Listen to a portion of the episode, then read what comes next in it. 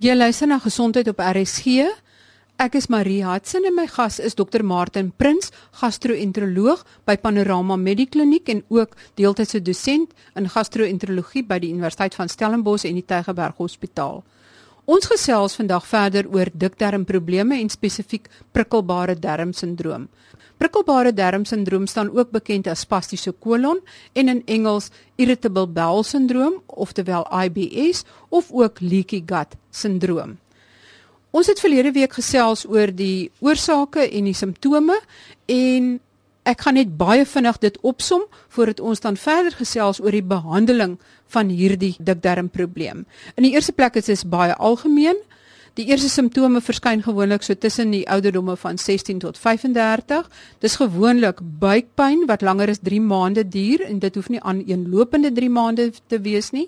Hierdie buikpyn moet dan gepaard gaan met hartlywigheid of diarree of afwisselend hartlywigheid en diarree, maar in die meeste gevalle is dit hartlywigheid en dan is daar ook 'n gevoel van opgeblaasenheid en winderigheid van bo en onder. Die diagnose word gewoonlik gemaak deur al die ander dikdarmprobleme uit te sluit. Daar's verskillende teorieë oor die oorsake. Dit kan dalk een van die volgende wees.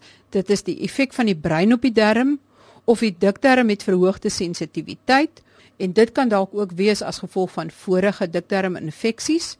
Dan is daar ook 'n element van kosonverdraagsaamheid, byvoorbeeld van suiwelprodukte, maar nie net laktose onverdraagsaamheid nie, dit kan dalk ook fruktose onverdraagsaamheid wees dan is daar ook glutenonverdraagsaamheid wat dan bekend staan as celiac se siekte, maar dit is iets anders as graanonverdraagsaamheid.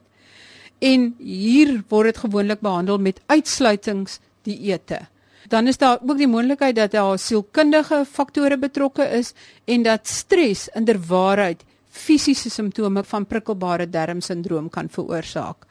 Kom ons gesels verder met dokter Martin Prins en hy verduidelik hoe hierdie siekte behandel kan word.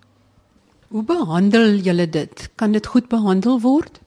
Ek dink deels behandeling van die toestand is, is ook lewenstyl. Mense dat jou lewenstyl moet half aanpas. Maar ek dink die belangrikste ding is ook uh, dat jy eerstens pasiënte net gerusstel dat daar nie 'n onderliggende patologie is, naamlik soos kolonkanker want ons weet kolonkanker kan voordoen met IBS tipe simptome ook met pasiënte met inflammatoriese darmsiekte. Meeste inflammatoriese darmsiekte pasiënte sal vir jare gediagnoseer word dat hulle IBS het totdat iemand 'n kolonoskopie doen en miskien eh, as hulle Crohn's het die terminale ileum intubeer en dan sien hulle het eintlik Crohn's. Mense het soms daai gerusstelling nodig. Tweedens wat ek altyd my pasiënte sê, daar is nie 'n spesifieke toets wat 'n mens kan doen en sê dat as hierdie toets positief is, het jy IBS. Dis weer eens net soos ek vroeër genoem het, 'n diagnose by uitsluitsel. Wat ook baie belangrik om te besef is dat daar is nie 'n spesifieke behandeling vir hierdie toestand nie. So 'n mens moet dit benader van verskeie punte en ook vir die pasiënt sê as die behandeling nie gewerk het nie dat hulle dan net weer kontak met die persoon moet maak wat hulle initieel gesien het. Die benadering is natuurlik om te gaan ook besluit is die pasiënt meer oorwegend diarree tipe simptome want dan wil 'n mens liewes ander toestande gaan uitskakel soos die laktose of die fruktose of het hulle celiac se siekte of het hulle onderliggende inflammatoriese darmsiekte. As hulle meer geneig is tot hartlywigheid, dan is dit 'n ander saak ook wat belangrik is uh, om die pasiënte advies te gee wat betref hulle ooplyfgewoontes. So ek sê altyd vir my pasiënte as jy die behoefte het, moenie knyp nie want dit raak uiteindelik 'n bose kringloop en baie pasiënte sal vir my sê en veral my vroumense sal sê dat hulle wil nie eintlik die toilette gebruik in die werksomstandighede waar hulle werk en hulle wil eintlik net by die huis gaan. En ek dink dit is 'n slegte gewoonte om daai gewoonte aan te kweek. Tweedens, feitelik 99% van my vroulike pasiënte sal vir my sê, "My Martin, ek wens ek was soos my man, want elke oggend klokslag gaan my man toilet toe." En dit het niks weer eens met vroulike of manlike hormone te doen. Uh, essensieel, die beste tyd om toilet toe te gaan is in die oggend na ontbyt. En nie ontbyt by die werk, seker weet ontbyt by die huis. Derdens, mens moet gaan kyk na jou vloeistofinname. As jy nie voldoende vloeistowwe inneem nie, dan gaan jy fekale dehydrasie kry en jy gaan meer strain om jou stoelgange te passeer. So mense sê altyd ten minste 2 tot 3 liter vog per dag. Ek sê ook vir hulle hulle moet op 'n eliminasie dieet gaan. En dan seker wat baie belangrik is en veral met pasiënte wat meer geneig is na hartlywigheid om gereeld te gaan oefen. Dit help. So lewenstylgewys kan 'n mens al baie van die probleme dek net om daai prinsipe net toe te pas. Dan kom 'n mens uit by uh medikasies wat 'n mens kan gebruik. En mens moet net wel besef dat daar is uh, as jy deesdae by die apteke instap dan is daar toue en toue van die hoeveelheid lakseermiddels wat beskikbaar is. Die lakseermiddels wat beskikbaar is op die toonbank is omtrent uh, vyf verskillende lakseermiddels. Die eerste is jou sogenaamde bulkvormende lakseermiddels en dit is nie eintlik medikasie, dit is net vesel en dit is iets so psyllium uh, en wat dit doen bulk jou stoelgang om jou die gevoel te gee om toilet toe te gaan en hy het ook 'n element dat hy half vog in die darm intrek en dit is medikasie soos Normacol, Metamucil, uh, fiber gel. Die tweede groep en dit is die ou boereraad van liquid paraffin, uh, 'n stoelgang versaggener. Uh, en dit is nou liquid paraffin wat jy nie by die handelswinkel koop maar by die apteek. Dit proe net nie baie lekker nie, maar dit help om die oppervlakspanning van die stoelgange te verminder dat dit half makliker is om die stoelgange te passeer en dit is ook veilig om langtermyn te gebruik. En dan kom jy by jou derde groep, jou sogenaamde hiperosmolêre agente. En essensieel wat daar gebeur is jy neem iets aan boord wat soos 'n spons is wat water in die darm trek. En dit is medikasie soos Movicol, Dufelac, uh, Sorbitol, Glycerin. En die is ook veilig om langtermyn te gebruik. Die vierde groep is die sogenaamde wat ons noem saline lakseermiddels en dit is melk van magnesium want magnesium se neeweffek uh, is diarree. Mense moet wel versigtig wees as jy dit gaan gebruik, val net om seker te maak dat pasiënt se nierfunksie heeltemal normaal is as jy dit wil gebruik. En dan jou vyfde groep is jou sogenaamde stimulerende lakseermiddels en dit is medikasies soos Phenolphthalein, Cascara, Bisoconazole, Dulcolax, Sena, Senecot, Black Forest en dis daar wat baie mense gebruik is alwyn preparate. 'n Mens moet besef om stimulerende lakseermiddels te gebruik op 'n intermitterende basis is fyn, maar hier waarskynlik nie op 'n kroniese basis is ons nie baie gretig om dit langtermyn te gebruik. As mens buikpyn het, dan verkieslik wil jy nie anti-inflammatoriese middels gebruik wat kodein bevat want dit gaan jou hartlywigheid vererger. So in daai geval sal 'n mens liewerste antispasmodika gebruik soos Buscopan, Scopex of uh, Golofac, Bevispaz of die ou middel van Librax want hy het ook 'n anxiolytiese effek so hy help met angstigheid en dit. En dan is daar ook klomp data oor die gebruik van probiotika en as 'n mens probiotika gebruik, dit gaan nie die toestand op sy eie wegvat nie, maar dit is duidelik bewys dat daar is 'n voordeel in IBS vir die gebruik van probiotika. Dan is daar 'n uh, nuwere middels deesdae op die mark, veral wat uh, hartlywigheid betref en ons hoop dat binnekort sal die middel Suid-Afrika toe kom en die middel se naam is uh, Procalopride en wat hy doen is hy help met die samentrekking van jou dikdarm. So in hartlywigheidssituasie kan dit nogal help in dit. Maar meeste van die tyd is dit deels ook 'n uh, lewenstyl aanpassing en meeste van die pasiënt verbeter nogal daarop. Wat mense wel ook soms nogal baie sien is dat baie van die pasiënte wat veral geneig is tot hartlywigheid kan soms so erge buikpyn ontwikkel dat hulle dan by die noodeenheid beland of nog selfs by die GP en dan word 'n plaat gedoen en duidelik gesien dat hulle fikale lading. En dan word hulle gespoel. Daai eerste paar dae voel hulle fantasties, maar dan na 'n week is die probleem weer terug. En die probleem in hierdie situasie is dat die spiere soms so gereg is dat hulle nie onmiddellik terugkom na 'n normale posisie. So eintlik wat 'n mens moet doen is die dikdarm spoel en dan met 'n lakseermiddel begin om die dikdarm half leeg te hou dat die spiere weer terug kan kom na hulle normale posisie om weer ordentlik te begin funksioneer. En dit sien 'n mens ook nogal. Sommige pasiënte wat duidelik voortdoen met 'n alternerende hartlywigheid en diarree kan ook 'n situasie ervaar wat ons van praat is fikale lading met oorvloei diarree.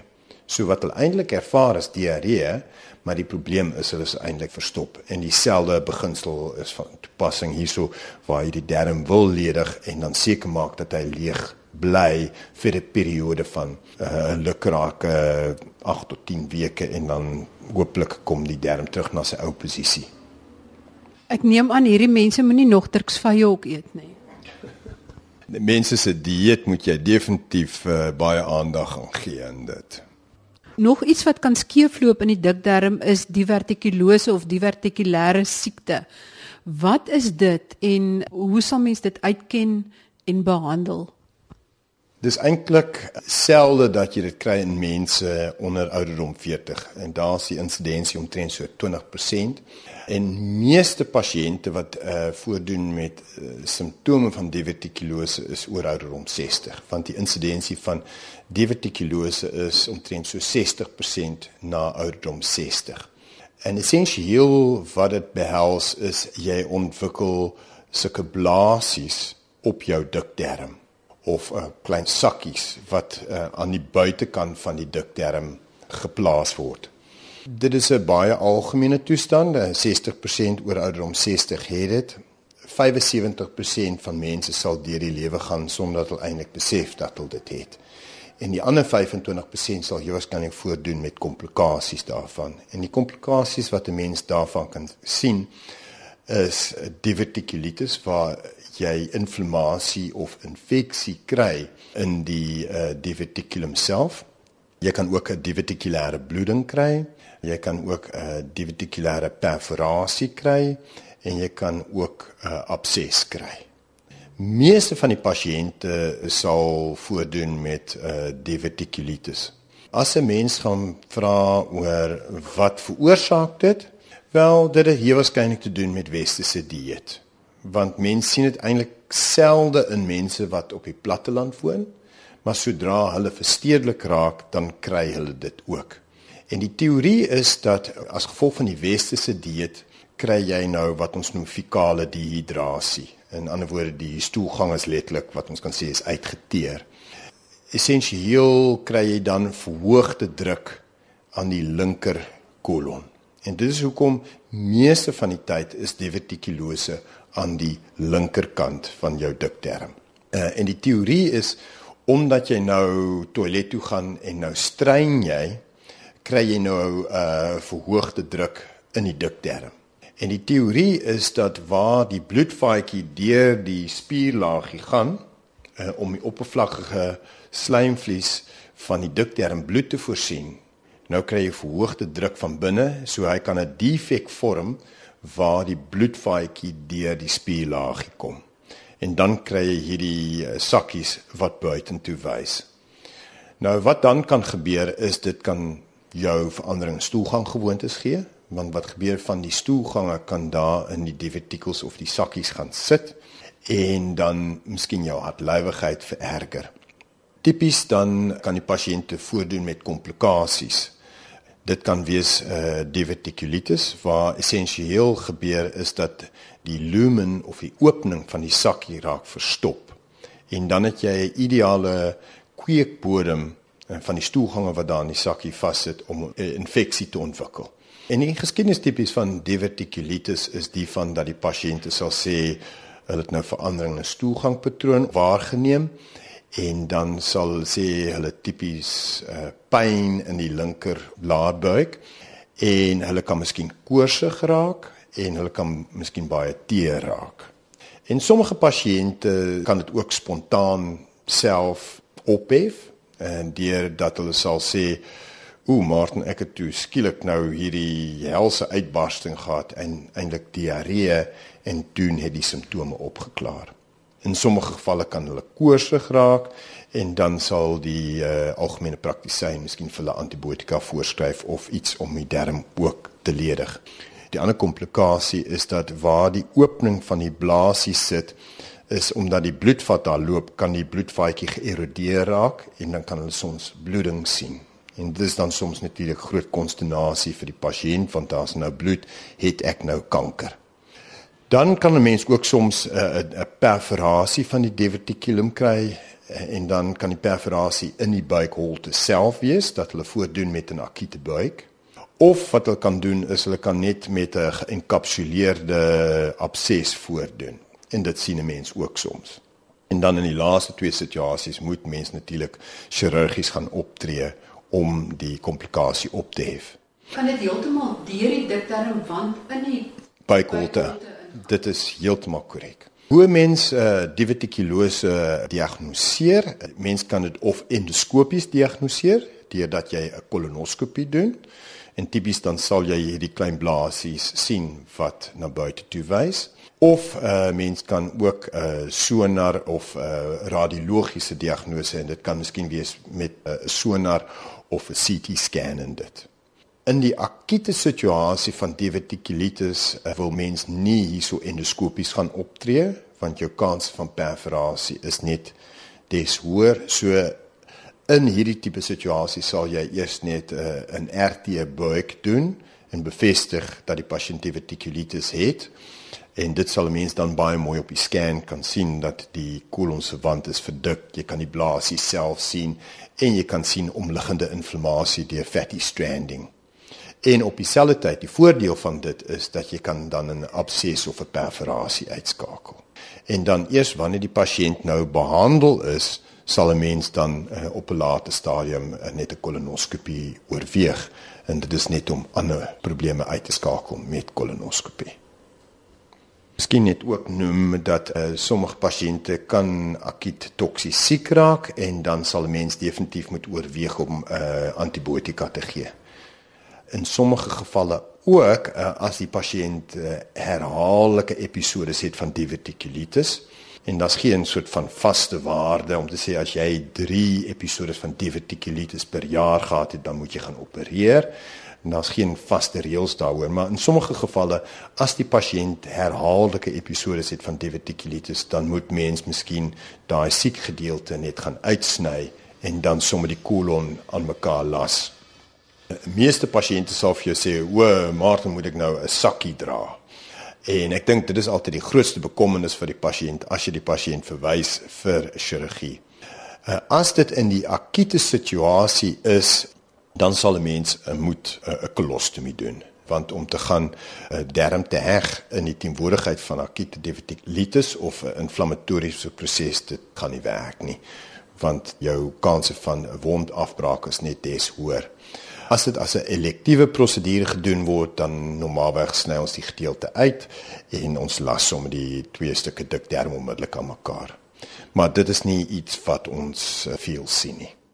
As mens 'n sakkie moet hê, hoe lank vat dit vir dit genees sodat jy dit weer aan mekaar kan hê? Ag, daar's geen uh, harde of vaste reëls. Uh, normaalweg sê ons net die kolostomie tydelik vir 3 uh, maande en sodra die pasiënt uh, heeltemal asymptomaties is, dan sal jy net 'n omkeer prosedure doen.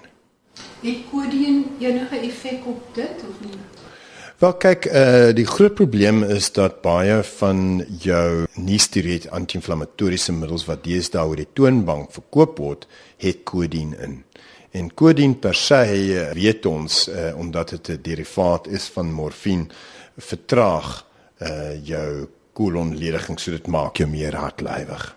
So uh, wat dit betref, ja, dit gaan die pyn wegvat, maar dit gaan jou hartlywigheid jou waarskynlik vererger. Het divertikulose het dit enige verband met dikdarmkanker? Ja, ek kan net noem uh, daar is geen assosiasie tussen dat as jy divertikulose het dat jy 'n verhoogde risiko het van kolonkanker. Uh, dit is nog nooit uh, oortuigend bewys en daar's ander risikofaktore wat betref kolonkanker. Die een ding wat ons wel kan noem is nou wat mense sal vra, eh, is daar uh, iets voorkomend wat mens kan doen wat divertikulose betref. Wel, dit is seker baie belangrik dat jy jou lewenstylgewoontes uh, moet aanpas. Uh, seker weet jy moet jou dieet aanpas. Uh, hoë vesel Daar is sekere mense wat sal sê jy moet goedes vir my so semels, koeiawels en neute maar daar's geen uh, wetenskaplike bewys dat dit wel jou diverticulitis uh, kan vererger. Mense met obesiteit is definitief meer geneig tot divertikulose en dan is daar ander risikofaktore soos rook ook. En as jy vra is daar enigstens 'n voorkomende medikasie? Daar was nou proewe gedoen in die laaste tyd deur dat jy 'n middel gebruik wat ons noem jou 5-ASA produkte. En dit is medikasie soos uh, Pentasa, Salofolk, uh, Asacol, uh, Dipentum en hoe hulle werk is essensieel. Hulle word deur die flora aan die darm afgebreek na hulle aktiewe komponent uh, wat dan 'n lokale anti-inflammatoriese effek het. En daar is studies wat moontlik bewys het dat dit moontlik kan help en daar's ook op dieselfde tyd studies bewys dat dit geen verskil maak nie. Gaan dit enigstens help as mens sê maar jy weet jy die vertikulose en jy vermy sê maar vrugte met klein pypies in en sulke soort van goed of maak dit geen verskil nie? Maak geen verskil nie. So vinnig kom ons en alweer aan die einde van hierdie program. Volgende week kyk ons verder na dikdarmprobleme en die uitstaande probleme is dikdarmkanker en inflammatoriese darmsiekte. En na hierdie reeks programme oor dikdarmsiekte sal ons so 'n bietjie wegbeweeg van hierdie suidelike deel van die liggaam.